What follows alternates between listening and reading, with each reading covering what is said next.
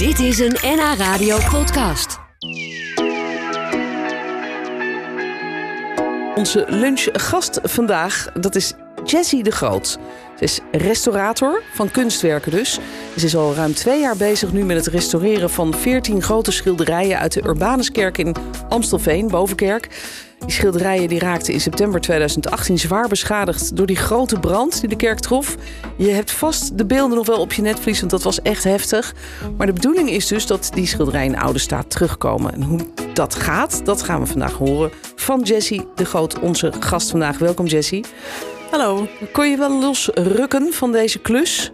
Uh, ja, ik was er vanochtend wel mee bezig natuurlijk. Maar dan zet ik een wekkertje. Want anders raakt de tijd uit, inderdaad uh, uit het oog. Ja, ik kan me voorstellen als je zo aan het priegelen bent... dat je inderdaad daar helemaal in opgaat. Ja. Dat je een Ja. enorme concentratie hebt. Ja, dat klopt. Uh, aan de andere kant wordt het ook... Nou, je zit dus in die bubbel. Vandaar het wekkertje. Anders raakt inderdaad de tijd uh, uit het oog. En, uh, maar meestal zit ik dan ook wel met een muziekje aan hoor. Of een podcast of de radio. Ja, ja. Oh, ja. Om uh, ja, toch ook anders raak ik te veel afgeleid door andere dingen. ja. Dus de concentratie is hoog. Maar het is ook een soort ja, flow waar je dan in zit. Ja, heerlijk. En wat doe je dan vol. normaal gesproken tijdens de lunch? Eh, Ga je dan eh, naar buiten om een broodje te halen? Of, of eet je gewoon tussen de schilderijen iets wat je hebt meegenomen? Meestal eet ik tussen de schilderijen om dan eventjes afstand te nemen van wat ik de afgelopen uren heb gedaan. Dan kan ik even kijken en even nadenken, want anders raak je meteen heel gauw in een tunnelvisie. Ja, Of soms een wandeling als het mooi weer is, Ja. natuurlijk alleen. ja. Maar het verschilt een beetje waar ik mee bezig ben. En doe je dit eigenlijk allemaal dan helemaal alleen? Zit je in je eentje in dat atelier? In principe doe ik het alleen.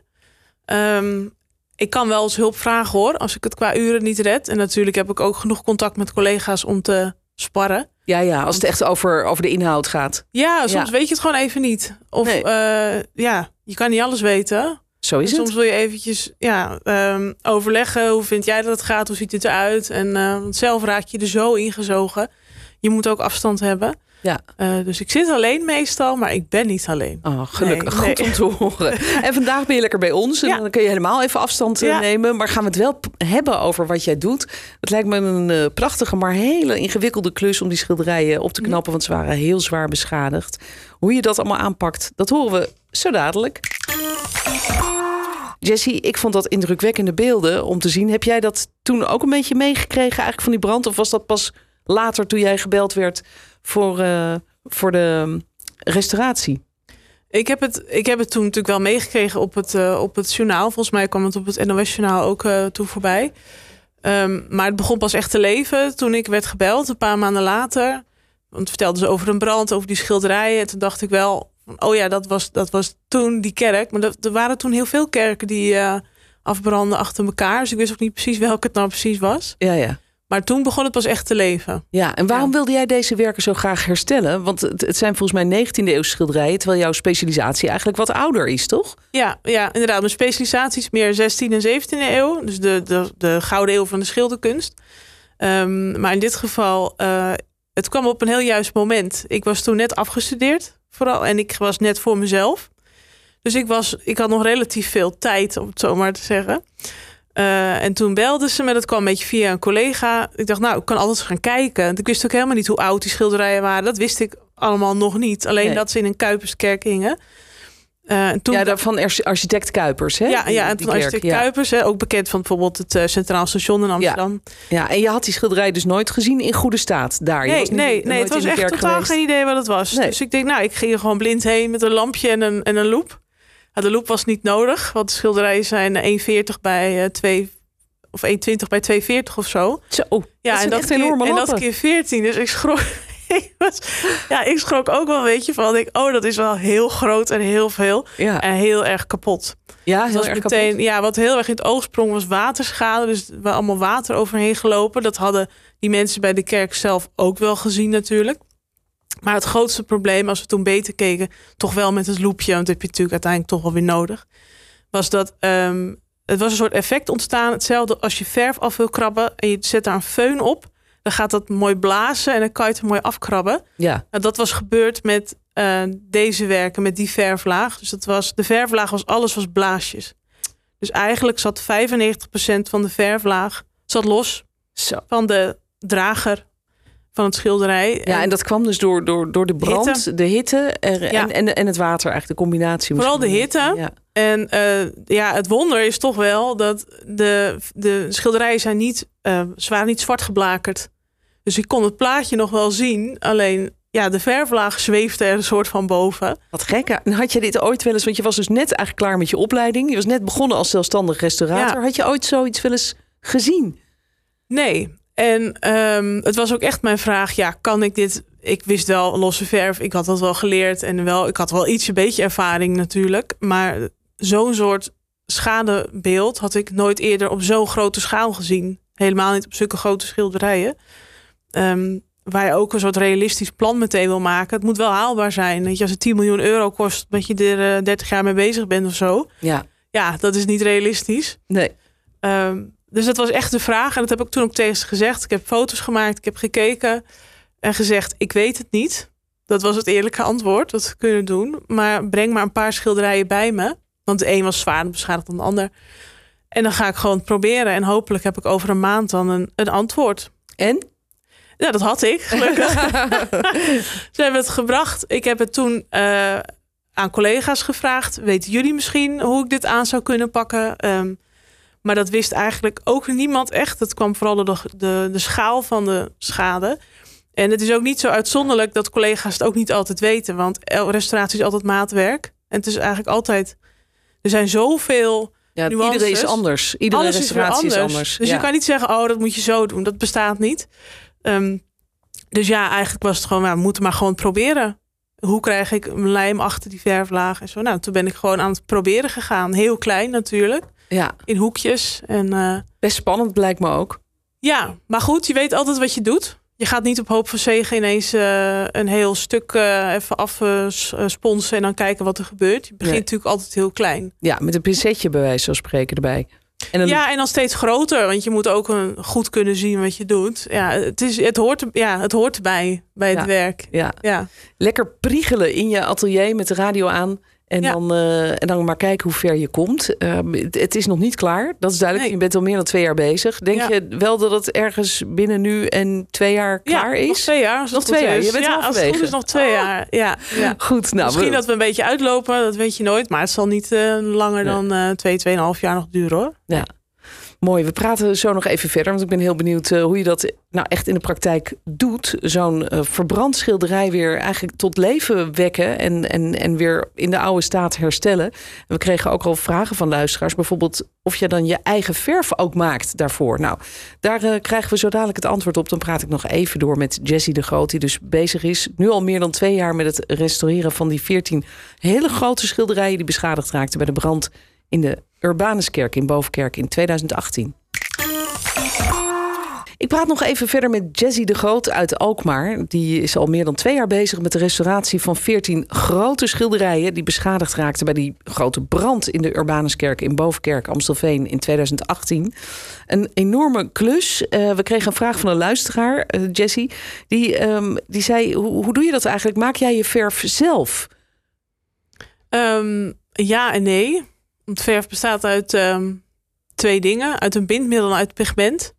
En het pigment en het bindmiddel maak ik niet zelf. Maar het samenvoegen ervan, zodat het verf wordt, dat doe ik wel zelf. En waarom is dat dan? Omdat ehm, eh, verf uit fabrieken, die zijn vaak voorgemengd.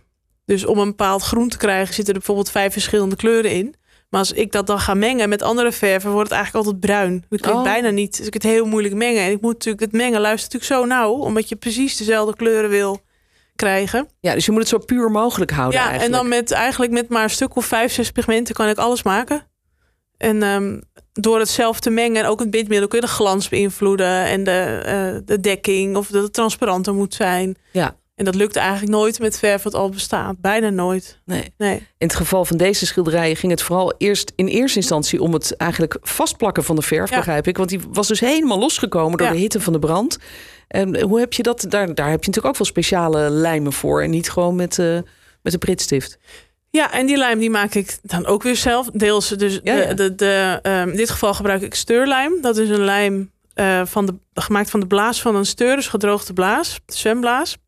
Oh, en, die hoe, hoe, kom je daar dan aan? Ja, die kan je gewoon kopen. Ja, ja, dit is wel, dat is gewoon te koop. En dat koop je dan. En dan maar dan moet er niet proteïne, uit, proteïne uithalen. En dat is even een procesje. En dan heb ik een gedroogde lijm die ik elk moment weer kan mengen met water. Om de lijm te kunnen gebruiken. En het voordeel daarvan is dat je dus ook altijd de concentratie aan kan passen. Zodat je precies, want soms heb je hele dunne lijm nodig, soms iets dikkere.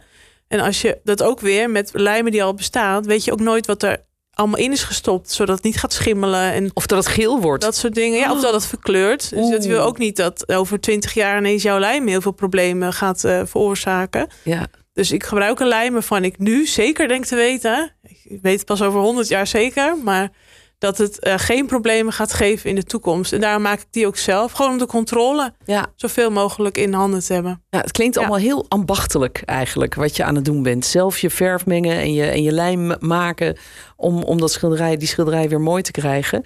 Um, eerst vastplakken, dan de, de, ja, met verf het een beetje herstellen. Uh, moet je ook nog afkrabben op oudere lagen? Want dat lijkt me ook zo ingewikkeld om te weten wanneer moet je stoppen eigenlijk.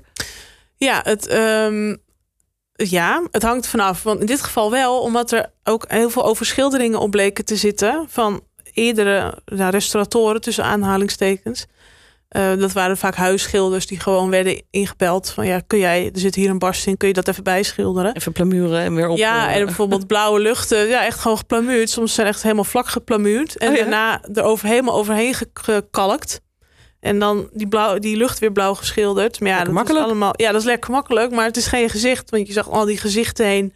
Was er heel veel. Was dus verdwenen. Heel veel bomen waren in de achtergrond weg. Dat wist het begin allemaal nog niet. Dat is allemaal tijdens de behandeling. maar dat is een heel andere aanpak. Dat is, dat is eigenlijk een, een ambachtelijke aanpak. Gewoon, we schilderen het opnieuw. Maar dat is niet wat ik doe.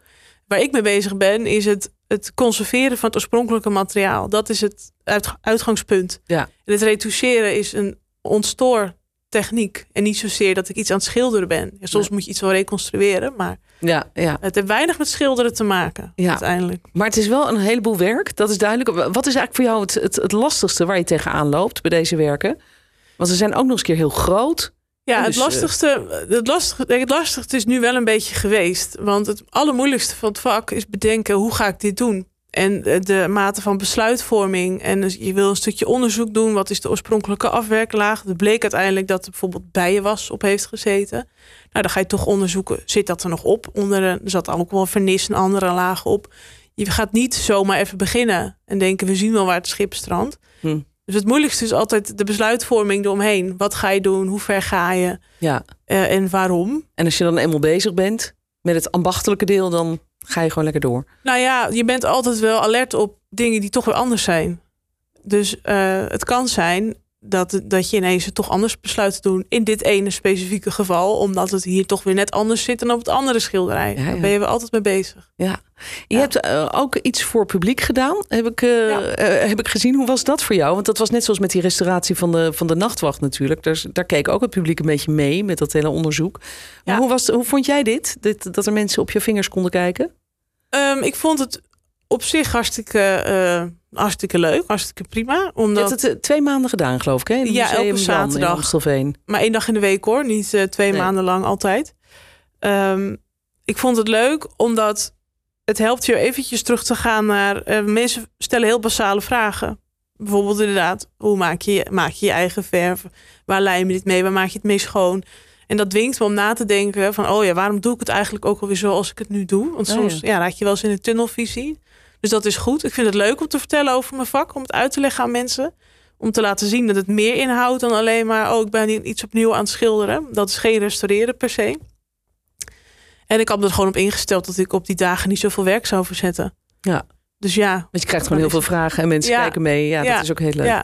Nou, je, je, je, bent nog twee jaar bezig. Ben je binnenkort dan ook nog weer eens uh, te, be, te bewonderen ergens? Ga je nog een keer op locatie doen? Nee, dat is, niet nu verwachting. Ja, nee. dit was nu voor, voor een keer. En ja, je weet nooit. Maar uh, dat zit nu niet in de verwachting. Okay. Nee, nee. Nou, ik wens je nog heel veel succes met uh, ja, de, de, de rest. He, ja. Je bent nu op de helft, Dank dus nog twee jaar te gaan. Ja. En dan gaan we dat zeker over twee jaar allemaal bekijken. Ja. Hoe die schilderijen eruit zien.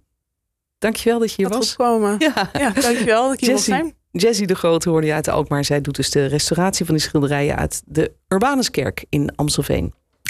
Dit was een NH Radio podcast. Voor meer, ga naar nhradio.nl. NH Radio.